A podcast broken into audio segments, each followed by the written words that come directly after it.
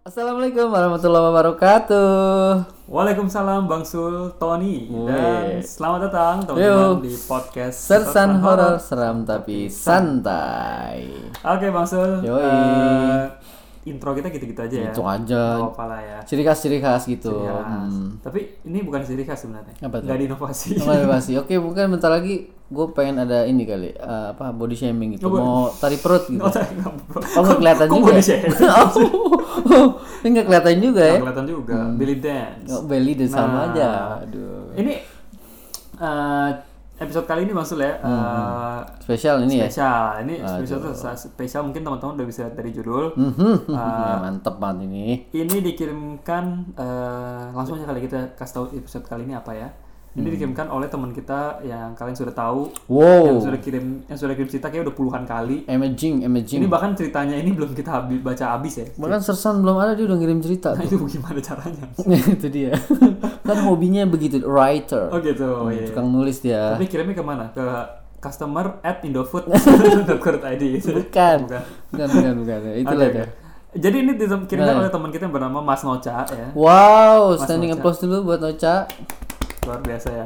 Eh, tau gak, aku pertama kali Hmm. eh dari awal-awal masih kayak dari Mas Noca gitu Hmm. sampai sekarang udah kayak dari Mas Noca Dari semangat. Eh, dia lagi dia lagi jadi kalian tapi cerita Mas Noca itu seru-seru parah men Oh gila men. seru-seru parah ceritanya Hmm, mantep. jadi ini Mas Noca tuh eh, ciri khasnya seperti ini Eh, Mas Noca ini ciri khasnya ya kalau menurut aku ya Nah, gimana gimana? dia kirim cerita sering banget kan Mhm. tapi banyak kan tuh cerita bapaknya Oh. dia Iya kan? ini anak kreatif nih, bapaknya dikorek-korek. nah itu dia Padahal kan lagi tidur juga dikorek. ngapain Celengan bapaknya dikorek. Mau jajan.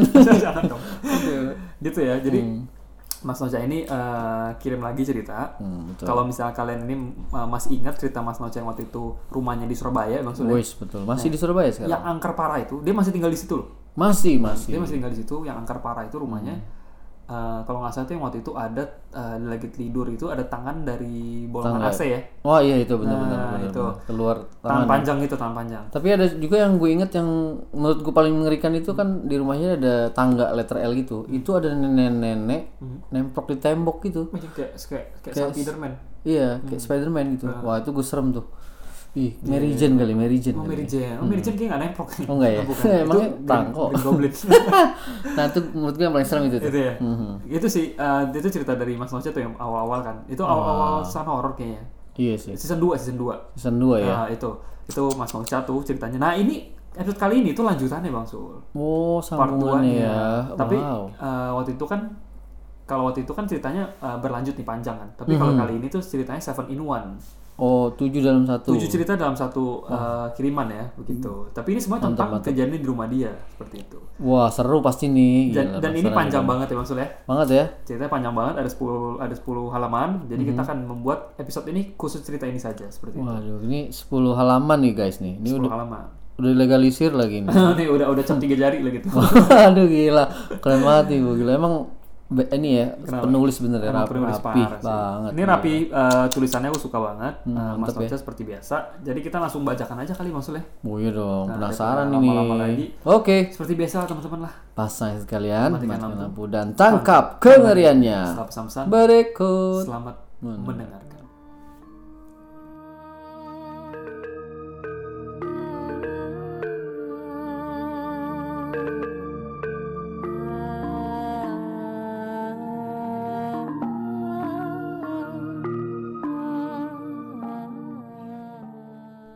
Kembali lagi teman-teman. Udah balik? Di podcast. udah masih ngobrol nih.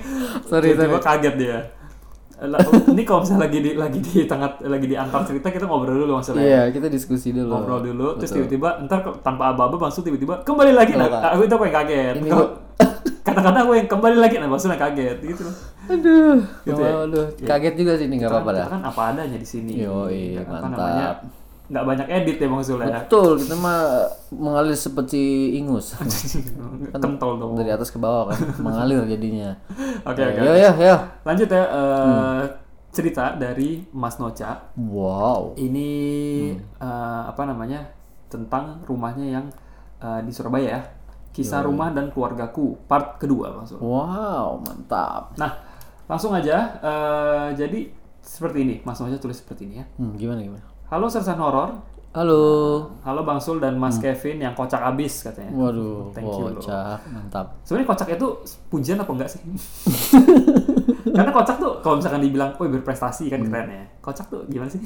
Eh, gimana ya? Kayaknya memalukan gitu. Bukan ya? Iya. iya.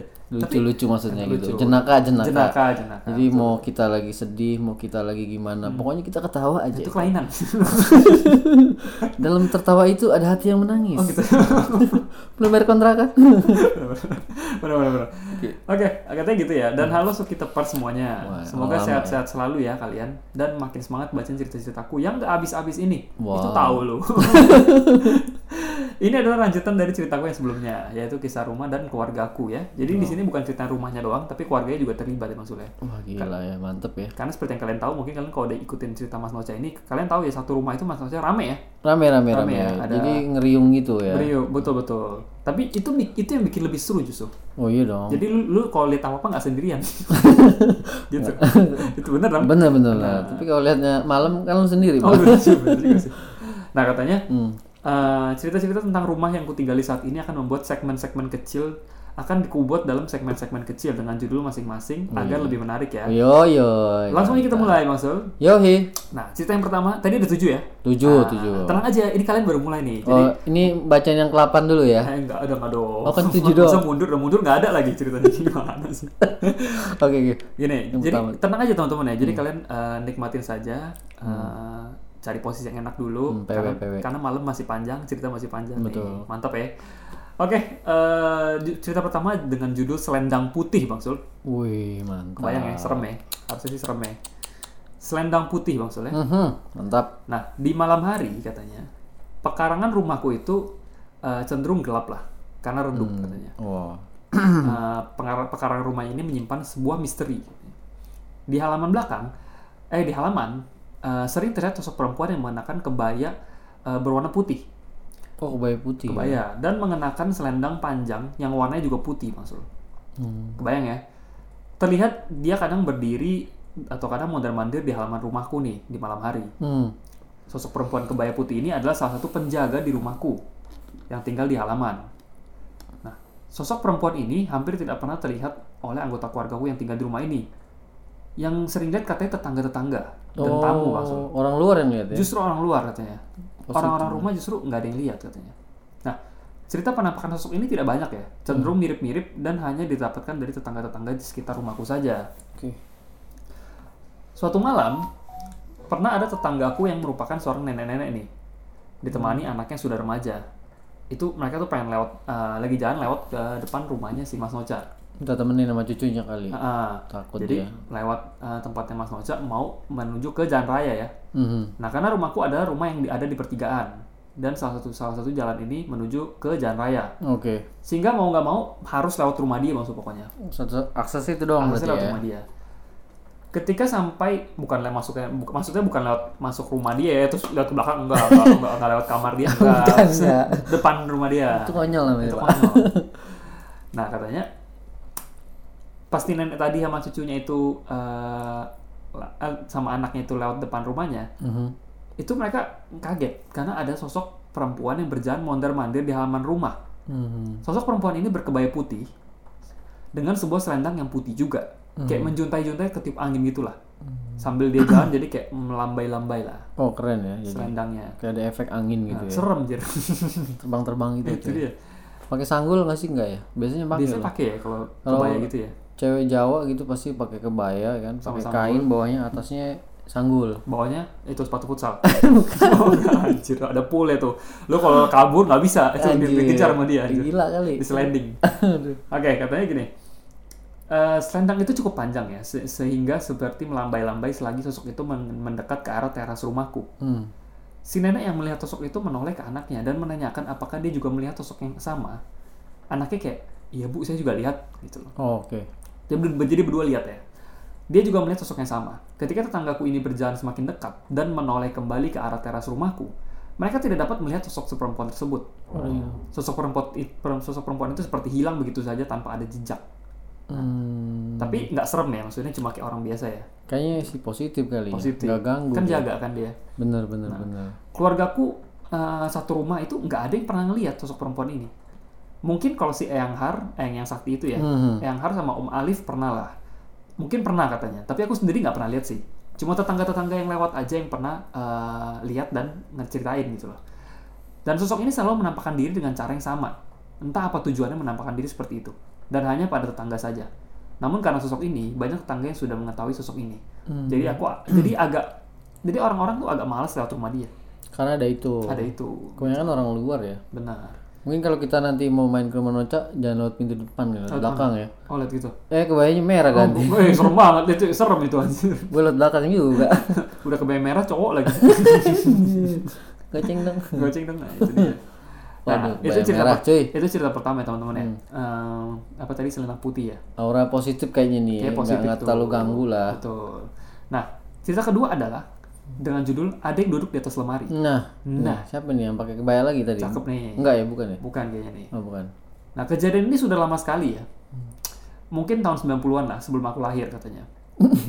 Kok ketawa? Oh, nos- nostalgia. Eh, gua 90 tuh li- umur 5 tahun. Oh, lima. Oh iya lu. Anjir. 5 tahun sebelum Masehi. Oh iya. Udah lima tahun ya? Iya lima tahun. ya Allah, astagfirullahalazim. Oh iya lu anjir.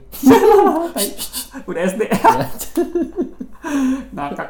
Oke oke lanjut lanjut. Ada ada ada ada ada. ada. Katanya mungkin tahun 90-an lah sebelum aku lahir kejadiannya. Dan sebelum rumah ini mengalami renovasi. Oke.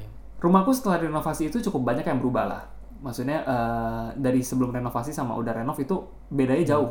Oh, kamar mandi di luar jadinya. Oh, enggak, enggak. itu mah enggak, itu downgrade anjir. iya. Turun ya. itu mah downgrade anjir nggak upgrade nah katanya halaman depan saat itu halaman samping nih dibolak posisinya Absurd ya. ya gitulah ya Pokoknya gitu deh. kita bukan anak arsitektur nggak paham Hmm, kita nggak gitu. Oh, d- apa tadi halaman samping depan tadinya? nah tadi gitu karena Oh. rumah itu rumah tidak menghadap ke selatan melain- melainkan hadap ke timur oh bisa diputer gitu ya Oh, baru tahu gue rumah oh bisa diputer di, gitu di rotate, di rotate. di rote harus tinggal tinggal klik. gitu. kontrol R aja Iya. Iya, oke oke oke Iya benar benar benar. gitu katanya rumahnya tadinya menghadap ke selatan eh tadinya menghadap ke timur ya terus abis itu pas udah renov hadapnya ke selatan Hmm. Sumpah gue baru tau loh, udah kayak di Sim City aja bisa muter-muter rumah. Tapi bagus juga sih desainnya Cakep juga ya. dibenerin yang salah gitu Nggak nggak- bosen. ngadepnya iya betul. Nah, Oke lah. Nah boleh tuh masuk kalau misalkan eh, masuk kalau mau sholat nih daripada cari kiblat, Hmm. mending rumahnya diputer ke arah barat. Gue lagi bingung muternya pakai apa. Oh, gitu. Pusing. Oke lanjut ya. Oke. Katanya gini, dapurku saat itu masih merupakan kamar mandi katanya. Hmm. Dan ada bagian dapurku yang sekarang itu yang seka- eh, di di bagian dapurku yang sekarang itu dulunya adalah tempat menyimpan keranda milik kampung. Nah, kok What gitu? the hell man? Lu asli tempat nyimpan beran- ker- keranda rumahnya. Setahu gue yang ada keranda itu ya kalau nggak masjid ya. Puskesmas. Puskesmas, musola ya. Biasanya ada aksesorisnya begituan. Aku ini di rumahnya Mas Noca ya. Ada apa ya? Eh, lanjut ya. Gitu. Nah itu eh, kadang-kadang kalau misalnya lagi malam sering kedengaran suara kelotak-kelotak yang berasal dari keranda yang bergerak-gerak sendiri Si anjir. dan berpindah tempat. Eh, Nah besok paginya setelah se- sema- setelah semalam mendengar suara itu keranda akan ditemukan di tempat yang bukan semestinya. ih ya Allah. Gila nih. Biasanya berpindah beberapa meter dari tempat penyimpanannya. Konon setelah keranda itu bergerak sendiri, kadang ada ada akan akan ada warga yang meninggal di daerah sekitar rumahku. Oke, Oh, petanda juga. ya. Nah, pertanda. Penanda juga ya. walau walam lah apa ada sangkut pautnya atau tidak katanya. Oh, ini dulunya ya. Nah, Oke. nih suatu malam adik nenekku sebut saja Yang Tini sedang menonton TV dengan kerabatku yang saat itu tinggal di rumah. Saat itu ruang TV bersatu dengan ruang makan waktu sebelum itu ya sebelum renov ya. Mhm. Di sebelah meja TV terhadap terdapat lemari makan yang cukup tinggi sekitar 2 meter lah tingginya. Uh, tinggi bener ya. Nah, lemari makan apa lemari piring? Enggak ini kayak panjat pinang. Oh gitu, 2 meter tinggi loh anjir. 2 meter tinggi ya. bener bener bener. Nah saat sedang enak-enak nonton TV, tiba-tiba si kerabat ini pamitan Hmm. dan bilang ke Eyang Tini, ojo turu bengi-bengi yo Mbak Yu, Eh, jangan tidur malam-malam ya Mbak. Gitu. hmm, Eyang Tini mendengarnya dengan biasa saja, tapi memang agak aneh karena acara TV yang mereka nonton itu belum selesai, tapi dia udah pamitan. hmm, Oke. Tapi wajar sih ya, gitu. Eyang Tini tidak mengambil pusing dan tetap menonton acara sampai selesai. Namun Eyang Tini tetap meneng- menuruti anjuran kerabatnya untuk segera tidur. Esoknya, ketika bertemu dengan kerabat yang semalam, Hmm. Kerabat ini bercerita kalau semalam dia dia melihat sesuatu di atas lemari makan lemari piring itu ya Gambar dimakan. Tampak sesosok wanita duduk di atasnya Anjir. dengan pakaian putih lusuh dan wajah yang memiliki luka. Ah, my god. Karena itu, si kerabat buru-buru pulang karena ketakutan. Mendengar itu, Eyang Tiri jadi tidak lagi berani nonton TV malam-malam. Siapa ya? Kok bisa ada di lemari ya? Makanya. Tuh tadi dibilang jangan tidur malam-malam itu si ini yang nonton TV di Nah, infoin gitu. yang nonton ya, TV. pasti. Kerabatnya bilang gitu Oh, ke Eyang Tini, jangan nonton TV ya malam-malam, ya, jangan jangan tidur malam-malam gitu. Tapi penampakannya ini serem ya. Serem Di atas piring, eh maksudnya Aduh, di spirit. di atas piring mas sendok. Si makan. maksudnya kayak gimana nanti lo, Absurd ya. lo lagi lapar tuh mau ambil piring kan nggak lucu Nah, ada itu di- dia. Nah, pakai daun pisang aja lah. Si makanya. Nah, ngeri nih maksudnya Itu dia. ganggu gitu. Iya. Serem ya, serem ya. Jam scare juga. kebayang nih. lah ya, kebayang. Oke, itu cerita kedua ya teman-teman ya. Oke, Eh, oke. Di atas di atas lemari itu. Nah ini ke cerita ketiga nih Mas Ul. Eh, judulnya sepasang kaki putih. Hmm, oke. Kejadian ini terjadi pada tahun 2020 ini. Wih, baru cuy. Wah, men, baru mantap nih. Wow, mantesan masih hangat deh. Tulisannya berasap soalnya. Oh, iya, banget nih. masih hangat, masih hangat. nih. Lanjut ya. Katanya gini, saat itu aku berada di ruang makan ini Mas Noca nih. Oh, Noca sendiri ya. Nah, biasa ayahku biasanya ayahku duduk-duduk di ruang makan yang memang memiliki coffee table dan sofa kecil yang memang diperuntukkan untuk ayahku merokok dan ngopi di sana. Anjay, mantep ya. Chill Nah, banget. meja sebat lah. Yo, Ah, meja meja sebat lah. sebat. Mantap. Tapi malam itu ayahku sudah masuk kamar. Mungkin nonton film lah, udah pakai DVD player. Soalnya mumpung lagi WFH nih, mumpung lagi social distancing, ayahku memborong film-film di toko DVD bajakan buat nonton film maraton tiap hari. oh ya oke. Ini itu ide yang bagus sih. Itu orang orang tua pasti begitu sih. Gua enggak tapi ah. Eh, bahkan belum tua belum banget. Senang senang senang. dulu juga sering begitu, tapi tokonya udah tutup. Oh, gitu. Iya, soalnya yang beli gua doang. Ini orang bolak balik mulai. Gak ada yang lain lah. Pan. Nah katanya jangan ditiru ya beli DVD bajakan katanya. Kalau gua beli bukan buat nonton ya, buat jual lagi. Oh gitu. Wah, anjir, di, Oh, di, di, di ini di apa? Harganya dinaikin. Iya, iya aduh. Nah, katanya lebih baik nonton di bioskop atau beli DVD Blu-ray, Blu-ray yang original untuk menghargai filmmaker yang sudah bekerja keras. Waduh. Betul betul. Aku sendiri lebih suka menonton film di bioskop daripada nonton video film bajakan. Hmm. Dan saat social distancing jadi beralih ke Netflix deh katanya. Yo, Ya bener sih sekarang Netflix lagi ini banget ya. lagi in ya, Lagi in karena lagi begini ya. Betul. Tapi tapi kalau aku pribadi sih, ya gue jarang nonton film sih. Jadi Oh, jarang ya? banget. Jadi kayak ya nonton film filmnya horor doang. Kalau nggak ada horor ya nggak nonton nggak nonton gitu loh. Masih mending nonton film. Gue nonton kebakaran. Anjir. kebakaran kebakaran nonton aja lu Bukannya dipadamin malah ditontonin. Dasar. oke lanjut ya katanya se- eh, pas dia lagi sendirian di ruang makan waktu itu dia lagi bikin oatmeal bang Sul pakai susu hangat Hmm. nah setelah masak aku duduk di eh, depan meja makan kebetulan meja makan bersebelahan dengan tangga menuju lantai dua Oke. di mana area kos berada oh rumahnya juga ada kos ya Ada kosnya Nah, nempel. saat itu area kos sudah kosong sekitar satu bulan bang Sul karena waktu itu ya belum ada orang lah Hmm. mungkin pada pulang kan Ada pulang lagi corona nih. corona akibat pandemi COVID-19 katanya. Para penyewa kamar kos semua sudah pulang ke kampung sebelum kota Surabaya di lockdown. Nah, karena ya karena udah sebulan ditinggalin maksud kosannya udah kosong, jadi semakin mencekam katanya. Widih.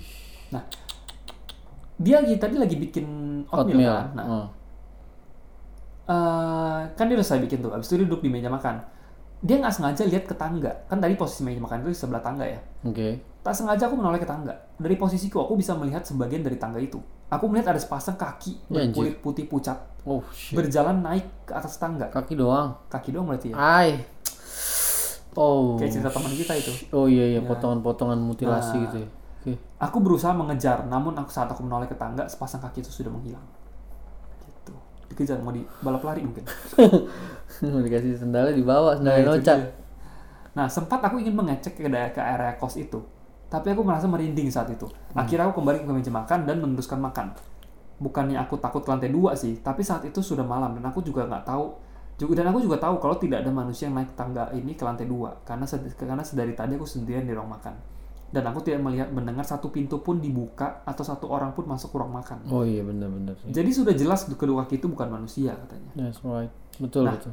Dua hari kemudian, ayahku bercerita bahwa ia semalam mendengar ada suara orang mandi di area kos. Eh deh, deh, deh, deh. Ayahku saat itu sedang hendak memastikan siapa yang mandi malam-malam sekitar jam 10 malam nih. Di area kos yang tidak berpenghuni ini. Ya mungkin ayahnya jadi curiga karena ayah tuh mikir, lah setahu gue nggak ada orang deh gitu kali ya Iya sih. bukannya ayahnya kayak polet, mau liatin orang mandi bukan ya mungkin karena curiga eh siapa itu gitu Agak kan janggal aja Betul. sih. Jadi penasaran dikit. Benar. Jadi ayahku bangkit dan menuju ke tangga. Sampai di belokan tangga, eh, atau sekitar se- sepertiga dari perjalanan anak tangga ya, Mhm. suara gemericik air itu tiba-tiba lenyap. Bukan seperti orang mandi kemudian berhenti, tapi lenyap seperti sebuah audio yang di pause. Oh, Jadi, sek. Nah, kan lagi kresek kresek. kresek. iya, Nah, di mandi masih kan gitu loh. suara air gusrak gusrak Gusrak, itu gusrak. set. Nah, Nah, mana itu? nah gitu benar tuh anjir, gila sih. Wah, tai. gila. Nah, kalau orang selesai mandi, pasti masih ada masih ada kedengeran lah suara air yang kayak ngalir ke lubang-lubang Ya, betul, kerutuk kerutuk betul. kerutuk kerutuk Betul, gitu betul, tuh betul, aja betul. kayak suara bang Suko lagi lapar tuh kerutuk kerutuk kerutuk gitu nah tapi itu nggak ada suara itu katanya seperti ada suara yang barusan, barusan diguyur gitu loh maksudnya kayak nggak ada suara yang kayak abis diguyur gitu nggak ada lah gimana sih tahu kan kalau suara-suara abis Iya. Lenyap mandi. aja gitu ya. hilang aja gitu tek gitu Oh, loh shit. nah suara air itu terdengar jelas ketika ayahku masih naik masih mau, baru mau naik tangga gitu loh pas udah seperti sepertiga tangga itu udah hilang gitu aja. Nah, karena karena area kos yang kosong, suara gemericik air dari kamar mandi kos seperti menggema di lorong tangga karena sepi ya. Hmm. Jadi suaranya kedengaran jelas banget. Ayahku mau melanjutkan naik, tapi sudah merinding duluan. Akhirnya tidak jadi dan turun men- kembali ke ruang makan. Oke, oke. Setelah ayahku bercerita demikian, aku pun menceritakan perihal sepasang kaki putih yang aku lihat. Ayahku berkata, mungkin sekarang ada penghuni baru yang masuk ke dalam area kos. Karena se- karena udah sebulan lebih nggak nggak nggak ada yang nikmatin gitu loh. Betul. Udah 40 hari biasanya ada yang nempatin yang lain gitu, Nah. barang halus gitu. Betul betul.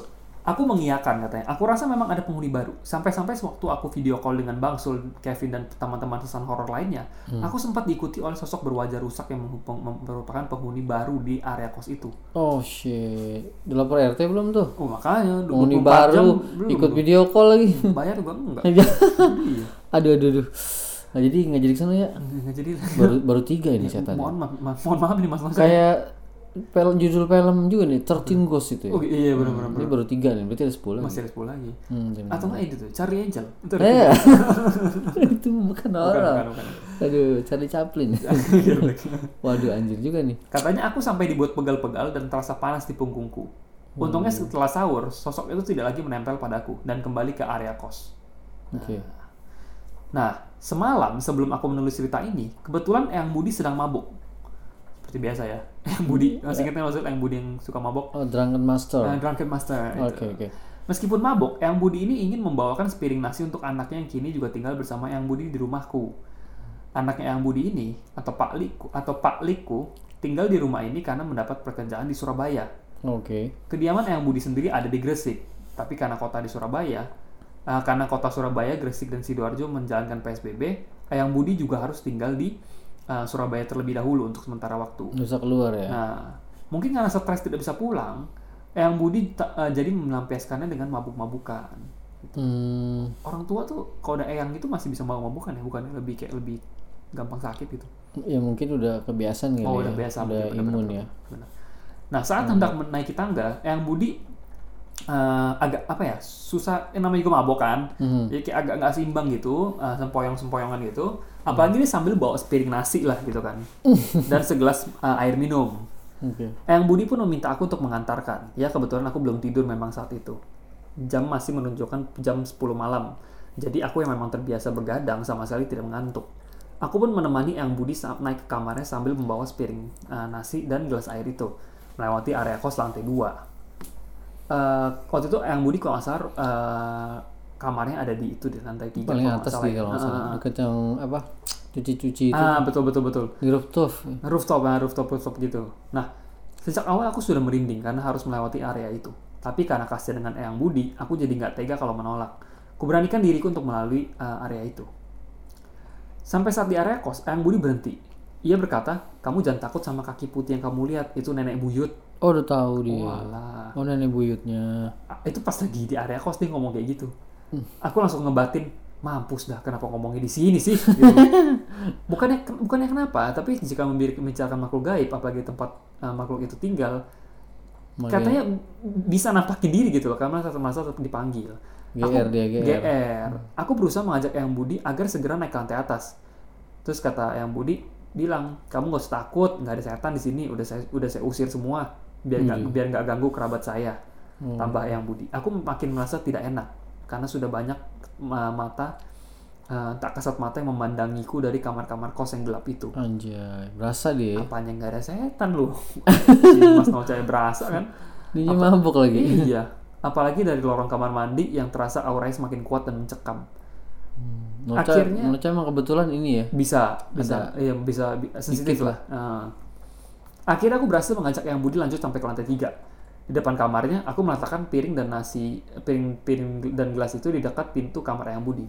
Aku sempat menawarkan untuk meletakkan piring dan gelas itu di dalam kamar yang Budi, tapi dia menolak dengan keras. Jangan, di depan aja, kata gitu. Kata yang Budi. Aku hendak berpamitan, namun yang Budi memegang tanganku. Katanya, kamu jangan takut kalau ketemu perempuan cantik tua. Eh, perempuan cantik dua. Nggak apa-apa, itu saya kenal. Nggak jahat itu, katanya gitu. Makin puyeng ini kepala saya dengernya, katanya gitu. Akhirnya aku putuskan untuk eh, turun lewat tangga eh, tangga tegak yang di depan. Meskipun lebih gelap, tapi di sana paling cuma ada jin-jin lewat aja, nggak bakal ganggu. Jinjin lewat. Nah, Eyang Budi sempat menegur, lewat, dep- lewat, lewat belakang aja, ngapain lewat situ? Katanya gitu. Hmm. Aku hanya menjawab, aku mau ke kamar mandi lantai dua depan dan tidak menggubris lagi. Aku pun turun dengan agak tergesa-gesa. Rumahnya Mas Nusi itu agak lucu ya. Aksesnya banyak ya. Banyak, Aksesnya banyak. ag- Agak agak kayak labirin gitu loh. Kayak rumahnya Smurf ya. Ah, eh, buset tuh. Tapi Enggak maksud pintunya banyak. Oh, pintunya banyak. karena Gitu. penghuninya banyak. Ah, betul, ya betul, kan? betul. Aksesnya banyak loh. Betul ya. Nah, ayahku bilang bahwa salah satu dari sos- dua sosok wanita tersebut eh, memang mirip wujudnya dengan nenek buyutku. Entah menyerupai atau memang jin korin yang muncul sepeninggal nenek buyutku. Hmm. Memang nenek buyutku meninggal di rumah ini dan dimakamkan pula di kota Surabaya. Berbeda dengan kakek buyutku yang dikebumikan di kota Mojokerto. Ya Hmm. walau alam lah kata dia. Yoi. Nah, cerita keempat ya berarti ya. Empat ya. Empat. Oke, Iya nggak sih? Empat ya. Iya empat. Tadi kan eh, kita rangkum dikit tuh. Pertama apa? Selendang. Hmm. Kedua Selendang. atas lemari. Semari, Tiga kaki, kaki putih. putih. Nah ini langkah misterius nih cerita keempat. Oke langsung lanjut ya kali ya. Langsung, aja. Sikat, sikat. Nah, cerita keempat adalah dengan judul Langkah Misterius. Nah, orang-orang yang sudah lama tinggal di rumahku, itu pasti pernah beberapa kali mendengar suara langkah misterius ini. Kayak orang jalan kali. ya. Nah, suaranya biasanya itu kedengaran eh, lari-larian dari kamar mandi lantai dua depan ke arah lorong menuju tangga yang menghubungkan antara lantai dua depan dengan halaman lantai satu. Hmm. Langkah kaki misterius ini sering terdengar berlari. Beberapa langkah dan langsung senyap aja gitu. Kayak di pause lagi. Anjing. Nah, seperti berhenti mendadak. Namun jika didengarkan, harusnya dengan kecepatan langkah dan jarak antara suara langkahnya, tidak mungkin bisa berhenti mendadak. Maksudnya kenceng banget Bang Sul. Ngerti kan? Kalau misalnya kita Hmm. lari kenceng nih, terus, terus, terus, kita nggak bisa dong langsung berhenti mendadak. Pasti kita kayak tok, tok, tok, tok. Masih Ya, ada agak beberapa pelan, langkah. Pelan, pelan, pelan, dulu. Ngerem.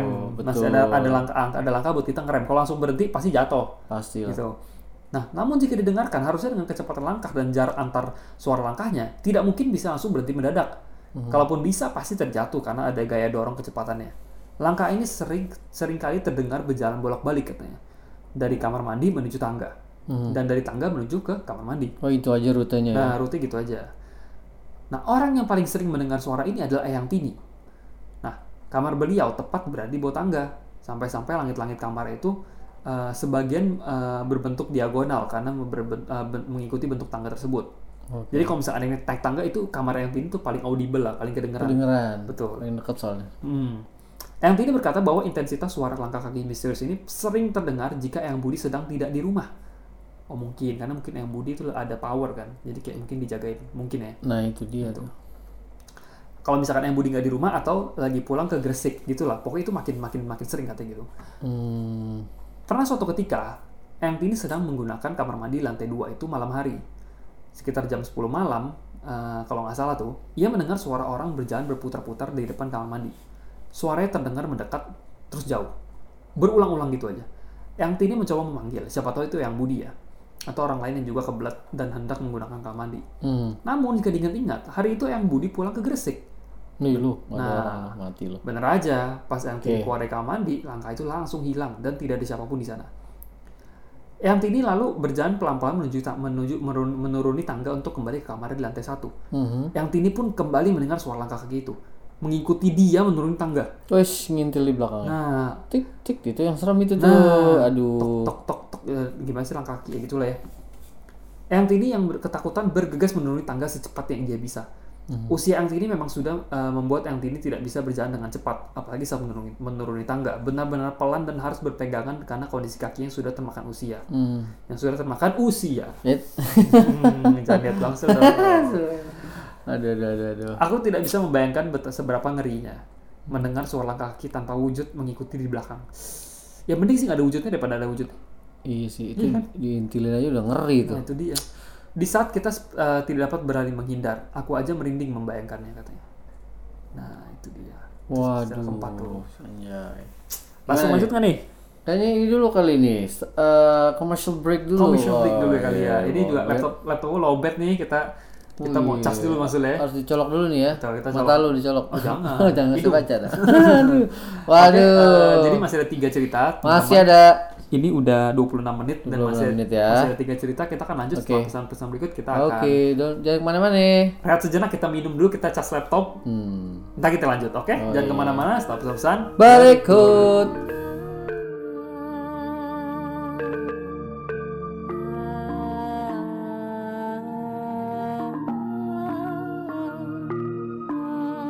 Kembali lagi Yoi. teman-teman di podcaster Sansoro. Seram tapi santai. Masih di cerita Mas Noca ya. Tadi itu udah empat cerita. Dan ternyata kita pas tadi kita lihat-lihat iya. lagi, Di scroll kita, lagi tadi kita ya. scroll lagi ternyata ada 8 cerita ya teman-teman ya. Wede, keren gak tuh? Ternyata ada 8 jadi Hmm.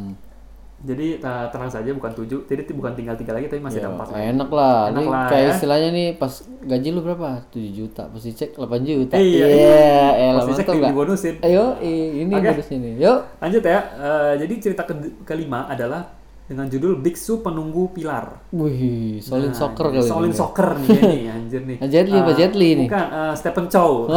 Stephen Chow, anjay. Lanjut ya. Yoi. Nah, jadi di teras atau balkon di lantai dua, Hmm. di depan kediaman Eyang Har, terdapat dua pilar yang menjangga langit-langit dan atap.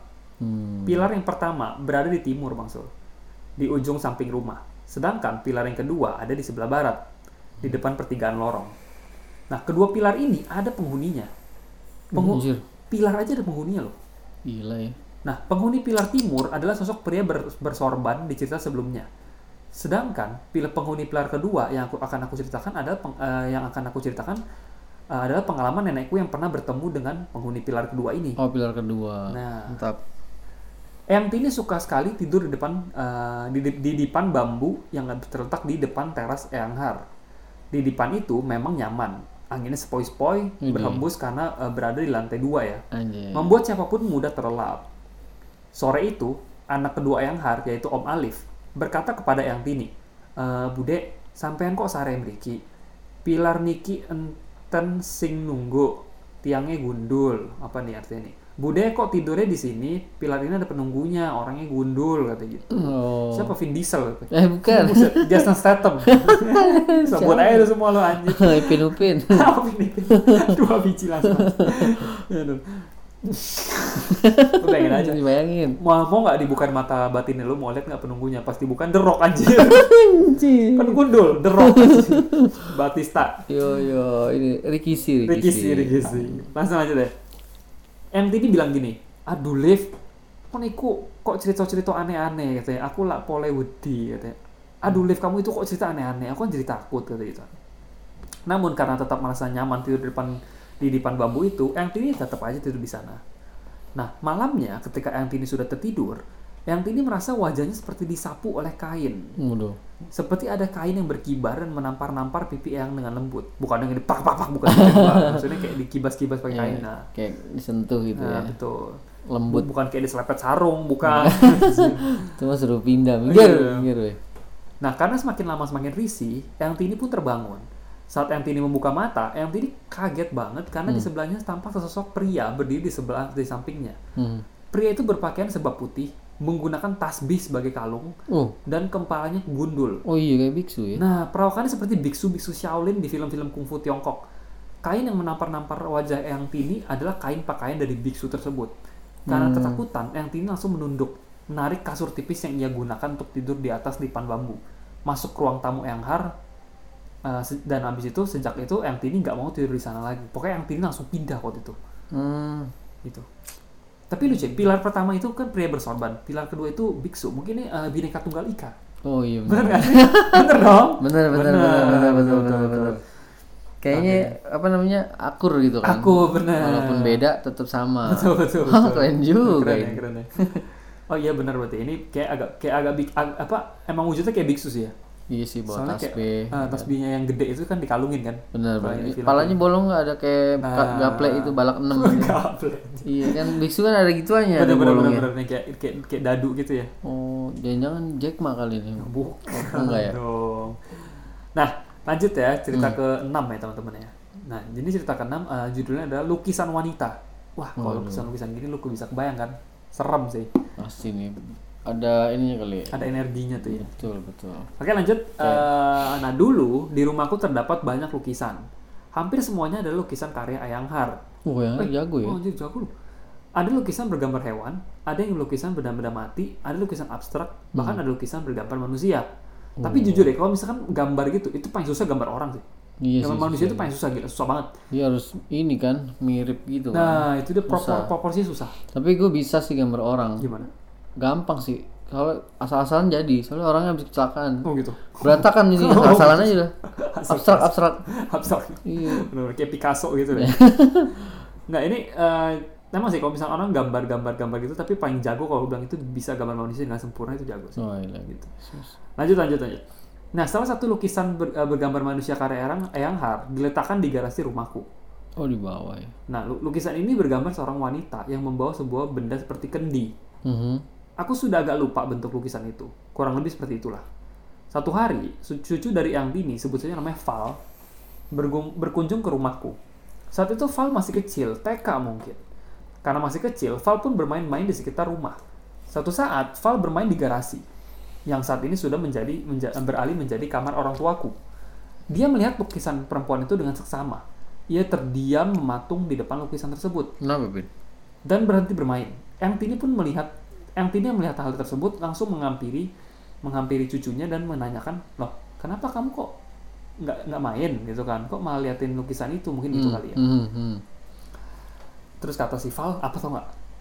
Itu bukan lukisan, Eyang. Itu setan." Oh anjir. Mati nggak lu? Anak kecil nggak mungkin bohong ya. Nah. Waduh anjir. Ada night visionnya kan? Ya. Wow. Bisa lihat dia. yoi. Bener-bener. Mendengar itu, Eyang Tini kaget tuh. Hmm. Tapi masih belum percaya dengan omongan anak kecil seperti seperti Val. Oke. Hari semakin sore dan Val pun pulang bersama ayahnya, alias anaknya yang Tini ya. Kan Val tadi cucunya ya. Mhm. Nah, malam itu Yang Tini memutuskan untuk tidur di garasi. Lu ngapain, Pak? Udah dibangun gitu. Yang Tini tidur suka aneh-aneh deh, di kamar, di, di teras, di garasi. Kenapa? Bentar lagi rumah orang gitu. Bentar lagi di, di warung gitu. Bentar lagi. ya mungkin ini kali apa Ah, passionnya passion. begitu. Mungkin- tempat di tempat aneh-aneh. Bentar. Eh, nggak orangnya lebih nomaden lah. oh iya. Cepet bosen lah. Dan dinamis. Nah, itu dia. Mungkin nanti ad- ada satu tempat yang lebih menantang buat dia mau cobain tidur di tempat di ATM. Oh gitu. Hmm, kan transparan tuh. Tapi enak ya, adem. Adem. bener, bener, bener. Bener-bener. lanjut lanjut lanjut akhirnya yang ini eh, sorenya eh, malamnya itu memutuskan untuk tidur di garasi kebetulan di garasi berjajar kursi-kursi eh, sofa yang membentuk seperti huruf L Wih, mantap. entah untuk membuktikan omongan Val tadi atau memang kebetulan ingin tidur di situ saja yang ini pun tidur di situ Hmm. nenekku sempat menawari adiknya itu untuk tidur di dalam tapi yang ini menolak dengan alasan ingin mendapat angin sepoi-sepoi Hmm, modus aja nih. Nah, kayaknya ini yang ini tuh fans banget sama angin sepoi-sepoi ya anjir Iya, larinya angin mulu gitu bebek kenangin duduk. Iya itu dia, makanya hati-hati. Heran juga aku katanya, si Ang ini memang suka banget tidur di luar ruangan. Anaknya outdoor banget lah gitu. Indie banget lah gitu loh. Mem- membumi, nah itu dia, mem- membumi lah. Eh, gitu. Down to earth. Down to Iya, earth. bos gila. Nah malam itu Ang Tini kurang nyenyak lah tidurnya. Karena digigit nyamuk. Bukan bukan bukan ada apa-apa ya, digigit nyamuk. Bu, neneknya emang masih ada darahnya. Oh, masih loh. Oh, masih ada ya? Masih. Kira tinggal kulit doang. Katanya ya iyalah digigit nyamuk katanya orang tidur di luar rumah katanya. nah karena tidak nyaman tidur akhirnya yang tini hendak pi- pindah masuk ke dalam rumah. Ia membuka mata dan duduk lalu duduk di sofa. Maksudnya masih masih mengawang-awang duduk dulu lah di sofa gitu kan. Hmm. Oh, nyantai dulu. Menghadap ke lukisan wanita tersebut. Anjir. Entah Oh, ia merasa, iya. merasa ingin sekali melihat mata wanita yang ada di lukisan tersebut. Mhm. Tiba-tiba itu Nah, wanita Nah, nah, berkedip mati lu.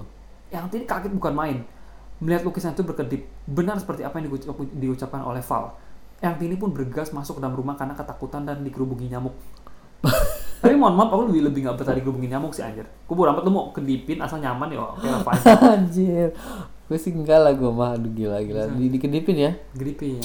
Kedipinnya sebelah mata lu lagi. Udah Anjir. digodain. Aduh gila gila gila. Lanjut ya, lanjut. Tetap ya. Nah, Hmm. lanjut cerita ke eh, berapa tadi? 6 ini. 6 ya. Enam, Iya, enam, enam, ya. enam. Nah, cerita ke-6 ini eh, dengan judul Tuyul. Nah. Ini bener bukan cerita ke-6. Enggak, ini cerita ke-7 ya, cerita ke-7. Oh, ada tujuh Ada nih. Oh. tujuh. Wow. Cerita ke-7 adalah eh, Tuyul ya. Little Ghost. Nah, Little Ghost. Di cerita sebelumnya, aku pernah bercerita tentang tuyul yang seringkali menyantroni rumahku. Memang sudah banyak sekali kasus kehilangan uang di rumahku. Dan setiap, setiap kali ada ru- ada uang yang hilang, selalu pecahan 50 ribu atau nggak 100 ribu. Oh, lu Setiap ngerti hilang ya? banget. itu itu sebanyak 1 sampai 3 lembar. Lumayan lu men. Tuyul pak accounting nih. Nah, itu dia. Ngerti banget duit. Lu ber- berapa ta- eh, apa di congin terus itu kalau ditotal-total bisa beli rumah lagi. Rumah tuyul. Iya, itu. Buset 50 sampai cepet ya. Sa- tiga lembar lagi katanya satu atau nggak tiga lembar nggak pernah lebih sih katanya gitu nah suatu waktu ayahku pernah minta diterawang oleh Mas Riki karyawan kantor pusat yang memiliki kemampuan fir- spiritual Ini yang dulu ini. Eh, yang dulu kantornya itu, loh. benar Mas Riki berkata bahwa tuyul ini masuknya lewat tembok samping rumah Hmm. tepatnya di tembok ruang makan tuyul ini tidak dapat lewat depan pintu rumahku karena takut dengan sosok penjaga rumah Oh, dia pinter cari celah ya. Nah, yang selendang itu kali ya. Si tuyul nakal ini akan masuk menembus tembok samping, lalu berlari ke dapur. Dari dapur, ia melewati jalur selokan untuk menuju ke kamar-kamar yang berderet di sisi barat. Oke. Wah, ada rutenya, men. Kayak Mission Impossible gitu. Anjir. kayak Mission Impossible gitu, anjir. Anjir. Wah, Keren ini kayaknya juga nih. eh, tuyul cruise ini. Steel Cruise ya. Sudah ya Tom Cruise. Iya. Jago Nah. lu, anjir lu. Tahu aja ya. Bentuk bangunan lama dari rumah ini menghadap ke timur, di mana dulunya pintu masuk eh, rumah ada di samping, yaitu di ruang tamu. Di sisi barat, di sisi barat, di sisi barat itu dulu bukan bangunan rumah masuk, melainkan selokan yang memanjang sepanjang jalan gang rumahku itu. Oh, Oke. Oleh para warga, selokan ini ditutupi dan dibangun menjadi bagian dari rumah masing-masing. Selokan yang eh, berada di barat ini masih fungsional meskipun tertutup rapat oleh beton dan lantai. Karena rumahku itu ada sosok-sosok yang menjaga dan memagari, si, sus- si tuyul ini harus mencari jalan lain lah. Mesti jalan-jalan tikus lah. Hmm. Yaitu memutari rumah lewat jalur selokan. Oke. Tuyul-tuyul yang pinter gini biasanya tarifnya gede nih. kalau kayak, kayak Google Map kalau misalkan yang ini macet dialihin. Oh, Ya kan? tahu jalan Iya, lain cari rute ya? baru, benar. Anjir, ini udah profesional kayak ini. Itu dia. anjir. Ini kayaknya eh, S3 hard part. ya. accounting. Jadi pinter gitu Oh, kan. bener-bener. bener-bener. Marketing jauh pinter lah pokoknya. Betul. Anjir. Nah, suatu malam setelah mengetahui soal tuyul itu dari Mas Riki, ayahku memutuskan untuk mendengar baik-baik ketika dia sedang merokok di ruang makan. Hmm. Ayahku berusaha mendengarkan eh, suara-suara, Mas. Mungkin suara langkah orang yang tiba-tiba berhenti di samping rumah, Mhm. di balik tembok ruang makan tadi. Maksudnya, pokoknya ayahnya mau investigasi lah ada apa. Tiba-tiba terdengar suara langkah yang berhenti di samping rumah. Waduh, ini Bergegas curiga nih, ayahku curiga nih. berjalan cepat mengecek keluar pagar. Sampai di depan rumah, ayahku terluar keluar dan melihat ke samping rumah. Di sana terlihat seseorang bapak-bapak memi- pakai peci, Hmm. pakai sarung, dan pakai baju seperti baju koko berwarna kuning. Oh, Oke. Berjalan menjauhi ayahku sambil salah satu tangan itu diletakkan di balik punggung. Nah, ini nih. Nah, jika tahu perawakan tokoh wayang Semar atau Batara Ismaya, Hmm. Semar ini selalu meletakkan salah satu tangannya itu di balik punggung. Oke. Menurut orang-orang, jika memelihara tuyul, biasanya tangannya diletakkan di punggung, seperti menggendong anak atau Hmm. menggandeng anak dengan meletakkan satu tangan di balik punggung. Oke, oke. Melihat bapak-bapak itu, ayahku curiga bahwa itu adalah pemilik tuyul yang suka mencuri. Kemudian ayahku terlihat dengan teringat dengan kata-kata yang har. Hmm. Kalau mau buktikan seseorang memelihara tuyul, coba ejek di belakang dia. Hmm. Kalau dia menoleh, itu tuyul yang memberitahu.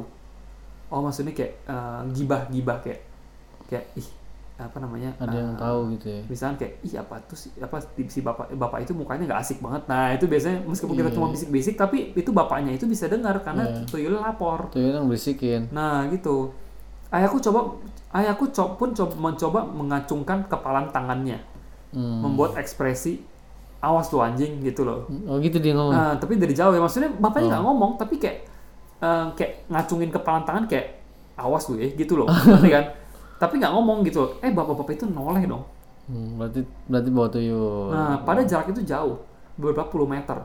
Dan aku juga tidak bersuara sama sekali. Anjir. Dia nggak ngomong, cuma kayak ekspresi gitu doang. Ngepalin tangan gitu. Tuyul yang ngadu ya. Nah, itu kan Oke, black nih tuyul. Tapi bapak-bapak itu bisa mengetahui kalau ayahku mengejeknya. Ayahku semakin yakin kalau bapak itu memelihara tuyul. Mas Riki sempat bilang kalau rumah bapak-bapak itu ada dalam satu radius sekitar 1 km dari rumah. Yang artinya Hmm, Jauh cuy. yang artinya masih warga sini juga meskipun jauh Bang Sule. Oh anjir. Nah, entahlah, mari doakan saja dia supaya dia sadar uh, perilakunya adalah perilaku yang musik dan sesat dan bertobat kepada Tuhan. Semoga dia diberikan pencerahan. Aduh gila masih ada aja zaman kayak gini ya. Tuyul ya. Gila gila gila. Ntar lagi tuyulnya pakai drone gitu ya. Iya. Dia keliling komplek ya. Cari yang berpotensi. ya. Benar, benar, benar, benar. Tuyul tahu aja yang kaya-kaya siapa tuh. Jadi kan emang kan indranya tajam juga dia. Tuyul mah tahu loh barang-barang mahal, loh. Rolex tahu dia anjir. Mau tuyul mana itu? Nah, itu anjir. Iya anjir, kau punya tuyul mah harusnya diajarin gitu ya, jangan nyari cepek-cepek-cepek itu. Rolex punya ambil Hmm. Oh, gitu. yo, bukan tuyul kayak yang ngerampok. Nah, itu iya. Tahu-tahu jam Patek Philip loh, ambil aja udah gitu kan anjir. Alphard ya kan. Itu ah Ya, itu. Gotong rame-rame itu. Itu dia. Tuyulnya Iya. cari punya SIM dong. Oh iya. Dia bisa nyetir, Oh, iya, bawa bener pulang juga. mobilnya, benar-benar. Ini tuyul apa driver ya? bisa ngurus balik nama buat jual ke pen- pengepul. anjir. Waduh, gila gila gila. Ini ini apa namanya? eh, mem- apa memperkerjakan anak kecil loh, dua kasa itu Oh loh. benar-benar tuyul eksploitasi kecil anak. kan? Iya betul. Eksploitasi eksploitasi jin anak, Ah, jin betul, anak. ya. betul, betul, betul. Iya. Waduh, bangke juga nih. Kesel juga sih kalau duit hilang gara-gara tuyul ya. Benar. Aneh ya jadinya. Ini sih ya. Lanjutlah Udah. cerita terakhir ya teman-teman ya. Hmm. Sudah sampai cerita terakhir. Ini judulnya adalah Mbak Nyoto dan asal-usul rumahku. Bah nyoto. Nah, ini asal-usul rumahnya ini diceritakannya terakhir maksudnya. Wah, ini cakep juga nih. Gitu. Tadi tadi appetizernya. Nah, ini, Appetizer. ini ini makanan beratnya. Nah, nih. ini main course ini nih. Main course nih ya. Oke oke. Oke, mantap. langsung aja. Oke. Rumah ini dulunya dibangun dan dimiliki oleh seseorang bernama Mbah Nyoto. Wah, Uh, kayaknya bukan orang sembarangan nih. Nah, beliau sudah almarhum ya. Dan sepeninggal beria- beliau, rumah ini dihibahkan kepada nenekku. Dulunya daerah sekitar rumahku ini adalah rawa-rawa. Aduh. Nah, Mbah Nyoto pada saat itu adalah orang yang membagikan tanah-tanah untuk di tempat eh, untuk tempat tinggal bagi warga sekitar rumahku. Baik ya. ya. Nah, bisa dibilang Mbah Nyoto ini adalah tuan tanah dulunya. Sebelum membangun tan- rumah di tanah tempat rumahku berdiri saat ini, Mbah Nyoto tinggal di sebuah rumah lain yang tidak jauh dari rumahku. Namun, karena tetangga di samping Mbah Nyoto butuh lahan untuk rumah anaknya, dan karena tetangga itu ingin anaknya tinggal di sebelah rumahnya, yaitu rumahnya Mbah Nyoto yang lama, akhirnya Mbah Nyoto membangun rumah di lahan kosong dan jadilah rumah yang berdiri sampai saat ini. Jadi Mbah Nyoto ini dulunya nggak tinggal di situ masuk, tapi tinggal di rumah tetangganya yang agak, yang agak jauh lah. Tapi karena tetangganya ini butuh rumah eh, di sebelahnya, jadi Mbah Nyoto relain rumah dia buat tetangganya Baik banget ya. baik terus Ngasih. Mbak Nyoto akhirnya bikin rumah lagi yang di- sampai sekarang dipakai sama si Mas Noca Hari gini ya, ngasih tanah gratis cuy. nah Gila. Kalau sekarang sih ada juga orang yang ngasih tanah sih. ah, itu. Tanah longsor. lanjut tanah kuburan tuh Gila baik banget nih Iya. Pak Nyoto nih, Mbah Nyoto nih. lanjut ya Mantap. nah sebelum dibangun Mbak Nyoto sempat men- menemukan beberapa bungkusan kain putih Hmm. yang berisikan berbagai macam hal ada yang berisi kembang tujuh rupa ada yang berisi sesajen ada yang berisikan tanah atau sebutir sebutir telur Ih, mungkin kalian nebak-nebak ya bungkusan apakah itu jawabannya itu adalah tumbal anjir. Iya, tumbal. Kalian jangan kira tumbal bahannya berupa nyawa atau darah. Tidak, tidak hanya itu. Tumbal dalam bahasa Inggris adalah offering, yang artinya sesuatu yang kita suguhkan agar sesuatu keinginan tetap dipenuhi. Nah, sesuatu ini dapat berupa macam-macam, mulai dari sebutir telur, mungkin dari yang paling ringan sampai yang- dari levelnya cuma makan makanan atau sampai nyawa kali maksudnya. Oh gila sih, berat. Mulai dari sebutir telur, segelas kopi, selinting rokok, sebungkus kembang, sejumput tanah, kepala, darah, atau bagian tubuh hewan. Sampai darah atau nyawa seorang manusia bahkan. Tumbal ini luas lah pokoknya, dan berbeda jenis tumbal, berbeda khasiat juga yang ditawarkan. Aku tidak mengajari siapapun untuk melakoni hal- hal-hal tumbal-tumbal ya. Don't try this at home. Ini sekedar informasi aja tidak, agar tidak salah kaprah. Dengan ditemukannya bungkusan-bungkusan di tanah itu, eh, apa ya? Menjadi sebuah asal-usul mengapa rumahku ini memiliki portal-portal gaib yang mengundang mereka untuk mampir dan menetap di sini. Hmm. Rumah bekas tumbal lah, sebuah panggilan baru untuk rumah tempat tinggalku ini. Makanya dikasih gratis ya. Oh itu dia. Eh, Story ngeri juga. Dia nggak bilang gratis apa enggak sih, cuma eh, anjir aku sih agak males juga ya gitu ya. Saat Mbah Nyoto pertama kali membangun rumah ini, baru sebagian dari tanah bekas tumbal itu yang dibereskan, dibersihkan dari hal-hal negatif yang masih menempel. Oh dibuang dah ya. Nah, namun sayangnya tanah ini sudah menyerap energi-energi negatif itu dan membuat lingkungan sekitar rumahku itu mudah didatangi makhluk astral. Udah terlanjur lah gitu ya. Hmm, Oke oke oke oke, oke. Acap kali orang-orang yang sudah meninggal di sekitar rumahku akan menampakkan diri di rumahku. Hmm. Entah karena korin mereka yang memutuskan untuk tinggal di sini atau memang ada jin-jin usil dan jahat yang memang menyerupai mereka yang sudah berpulang. Sampai saat ini beberapa anggota yang sudah meninggal kadangkala masih menampakkan diri. Jadi rumahnya Mas Noce ini kayak klaster gitu lah. Hmm. Cluster komplek. Oke, base camp gitu Iya, lah kayak ya. base camp orang-orang yang udah meninggal Oke. gitu lah. Waduh, Lanjut ya. Cak. Betah Ah, apa deh. Hati-hati lu betah amat. Duh, duh, duh, duh, duh. Kita kembali lagi pada cerita Mbah Nyoto. Beliau ini sebenarnya kerabat jauh, tidak ada hubungan darah langsung ke keluargaku. Beliau merupakan om dari nenekku, yang tidak memiliki keturunan dari istrinya, sampai beliau meninggal dunia. Karena itu, Mbah Nyoto menyayangi nenekku dan menghibahkan rumah kediamannya ke nenekku dan keluarganya. Mhm. Aku sendiri juga selalu berziarah ke makam Mbah, Nyo- Mbah Nyoto yang satu tempat permakaman dengan nenekku dan nenek buyutku. Meskipun tidak pernah bertemu, melihat atau bahkan fotonya pun tidak ada, aku tetap berterima kasih kepada Mbah Nyoto untuk memberikan rumahnya untuk tempat tinggal keluargaku. Mbah Nyoto dahulunya adalah seorang yang memiliki kesaktian. Hmm, mantap nih. Aku nggak tahu detail tentang kesaktian beliau, tapi aku tahu satu kejadian tentang kesaktian beliau. Mbah Nyoto adalah dulunya adalah seorang anggota TNI Angkatan Darat Oh, tentara ya. tentara yang sudah pensiun. Pada saat itu beliau adalah anggota sebuah partai yang dilarang. Oke, nggak usah disebut lah ya. Enggak usah, enggak Hmm, iya. usah jangan. Dan pada saat masa itu anggota-anggota partai tersebut diburu oleh pemerintah. Hmm. Ya kalian pasti tahu lah ya, gitu. Suatu ketika Mbah Nyoto pada saat itu sedang merencanakan pemberontakan. Beliau dan ber- bersama beberapa orang sedang rapat di dalam gubuk yang berada di data di tanah kosong yang nanti dibangun menjadi rumah tempat tinggalku sekarang. Buset ini rumahnya bersejarah amat sih. Anjir. Mas Noca ini banyak kejadiannya anjir.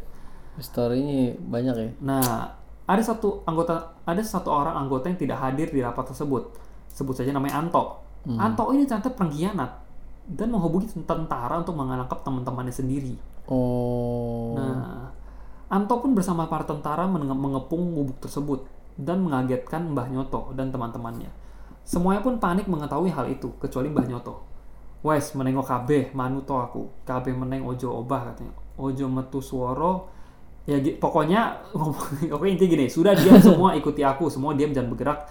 Jangan keluar suara, kalau ada orang lewat gerak sedikit satu langkah, jangan lebih dari satu langkah. Nanti tidak akan ketemu Oke. hujan Mbah Nyoto. Semua langsung menurut dan diam tak bergerak. Para, sen- para tentara pun memasuki gubuk tersebut sambil menenteng senjata api. Mereka masuk ke gubuk tersebut dan tidak melihat satu orang pun di sana. Hmm, Ini sakti ya berarti. Sakti Banyoto nih, mantap. Mereka menyisir rumah tersebut dan bersiap apabila ada serangan dadakan karena tidak terlihat apapun di sana. Namun mereka tetap tidak melihat apa siapapun. Padahal ketika mereka berjalan, Mbah Nyoto dan teman-teman itu berada di gubuk tersebut, Bang Sul Mhm. dan selalu bergerak menghindari langkah demi langkah para tentara yang membunuh, memburu mereka. Enggak kelihatan ya. Nah, kayak nggak kelihatan. Setelah para tentara itu yakin tidak ada siapapun dalam gubuk tersebut, mereka keluar dari gubuk dan menangkap Anto yang dianggap membohongi tentara. Oh, Antonya jadi senjata makan tuan. Hmm, hmm, hmm. Syukurlah Mbah Nyoto dan teman-temannya tidak tertangkap pada hari itu karena Mbak karena ilmu Mbah Nyoto yang dapat menyembunyikan dirinya dan siapapun yang di sekitarnya jika tidak bergerak dan bersuara. Wih, keren nih. Entah apa nama ilmunya, aku juga tidak tahu katanya. Walau walam. Tapi aku pernah dengar sih ilmu ini Bisa ngilang gitu bisa ya. hilang. Nah, di lain kesempatan, Mbah Nyoto waktu itu sedang menonton, pen- menonton pentas wayang orang. Hmm. Saat itu Mbah Nyoto sedang berada di kota Semarang. Waktu itu ada orang yang melihat Mbah Nyoto di pagelaran wayang-wayang tersebut dan melaporkan keberadaan beliau ke tentara. Mungkin Mbah Nyoto ini salah satu eh, apa ya pentolan lah ya. Orang penting juga Nah, ya, jadi berpengaruh kayak- juga. Jadi orang tuh pada kenal dia gitu loh. Nah, ketika tentara datang, Mbah Nyoto melihat kedatangan mereka dan langsung berlari.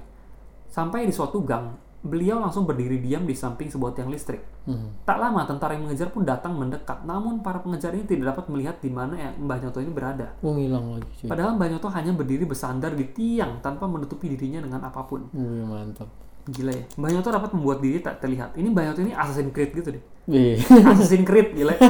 Mantep Mbah Nyoto ini. Nah, udah Hilang pro, udah langsung. pro banget ya, bisa ngilang cuy. Pro, gila.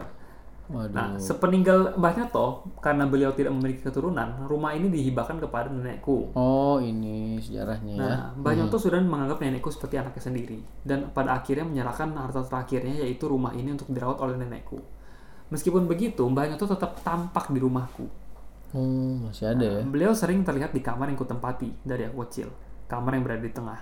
Aku sendiri sewaktu SMP sering kali melihat bayangan hitam yang aku sendiri tidak tahu itu apa. Hmm. Di masa itu aku belum bisa mengerti tentang hal-hal yang tampak pada penglihatanku, yang berbeda dengan penglihatan orang lain. Namun nenekku bilang itu adalah Mbak Nyoto yang ingin melihat cicitnya, yaitu aku.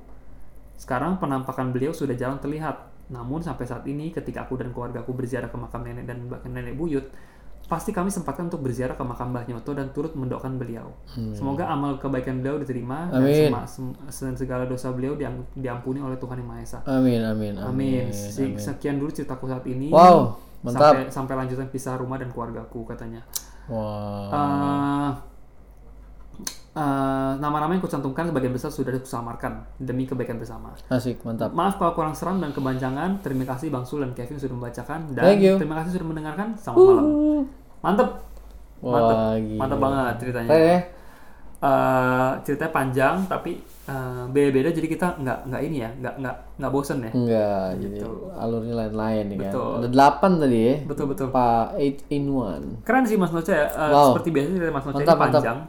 Seperti biasa cerita Mas Noce itu panjang, tertata rapi dan alurnya cakep banget. Mantap. Eh, tulisannya juga rapi, kita suka Hmm. Eh, dan cerita-cerita dia itu deskriptif banget jadi kita bisa berasa kita lagi di sana. Yo, iya, Gitu. mantap. Ya keren lah Mas Noce ya. Eh, cerita yang aku paling suka ini yang eh, paling aku paling suka adalah yang wah aku bingung sih. Bingung lu ya. Seru-seru sih, seru-seru sih. Semuanya bagus juga Semuanya sih. bagus. Ada jalannya gitu kan. nggak ada yang lebih serem mana sih menurut aku sih yang, yang kali ini sih emang bukan lebih ke serem banget sih tapi lebih ke apa ya ya ini sejarah sih Asal usul gitu. asal usul lebih semua aku ini lebih seru untuk disimak santai Yo, gitu loh buat yang eh, mungkin kalau teman-teman yang nggak suka terlalu dengar teng- tegang-tegang nah ini cocok nih cerita mas Manca nih gitu ya iya. Nah, Gitu. sambil ngopi dengerin Tuh. ceritanya delapan di di bedah tuh semuanya itu asal usul semuanya ternyata rumahnya emang portal ya portal gaib ya banyak jadi tiap orang itu pasti larinya ke situ tuh ya arwah-arwahnya ya. itu juga dijelasin sama mas Manca kenapa bisa begitu ya maksudnya oh, gue baru tahu tuh sekarang tuh mantep sih ya wah aku juga baru keren tahu tuh keren keren Oca mantap mantap Thank you banget Mas Ocha. Eh, Wah, thank you banget. Hmm. Seperti biasa, biasa ceritanya oke, kita Yoi. suka bagus. masih banyak tuh Oca ya Mas cerita Mas Ocha masih banyak ini banget. baru beberapa yang kita cicil Betul, kita akan baca lagi next next time ya. Mas Ocha. pastinya Soalnya kalau Mas Ocha terus nanti ini lagi kita bosan. jadi kalian. sesan Oca jadinya. Nah, itu dia. oke, teman-teman, eh, sampai situ aja cerita dari Mas Mantap. Ocha. Thank Terima you. kasih Mas Ocha. Bagi teman-teman yang mau kenal nama Mas Ocha, nanti kita akan sertakan Instagramnya. ah boleh boleh boleh kenal kenal kenalan yuk mantap Eh, dia adalah salah satu veteran juga ya di suasana horor seperti itu. Gila gila gila nih supportnya banyak banget nih Nocha nih. Betul. Oke, eh, seperti biasa teman-teman kalau misalkan ada yang mau kirim cerita horor bisa ke sasanhorror@gmail.com dan kalau juga- Hah? juga follow kita di Spotify dan di IG juga ya boleh. dan kalau misalkan kalian sudah selesai nonton dengar Mhm. di Spotify, kalian cek yang di YouTube ada lagi. Wih, beda-beda nih ya. Betul. Oke ya teman-teman, Eh, mungkin masih banyak yang bingung sama jadwal tayang kita. iya. Mhm, Tapi boleh ulang lagi kali ya biar Jadwal kita lebih yang jelas kita ya. Mhm. itu empat kali seminggu, Senin, Selasa, Kamis, Jumat. Jumat. Nah, Senin YouTube, YouTube. Selasa Spotify, ntar ganti lagi. Eh, apa Kamis YouTube, Selasa Mhm. Spotify, eh, Dibalik ya? Hmm. Jumat Spotify gitu.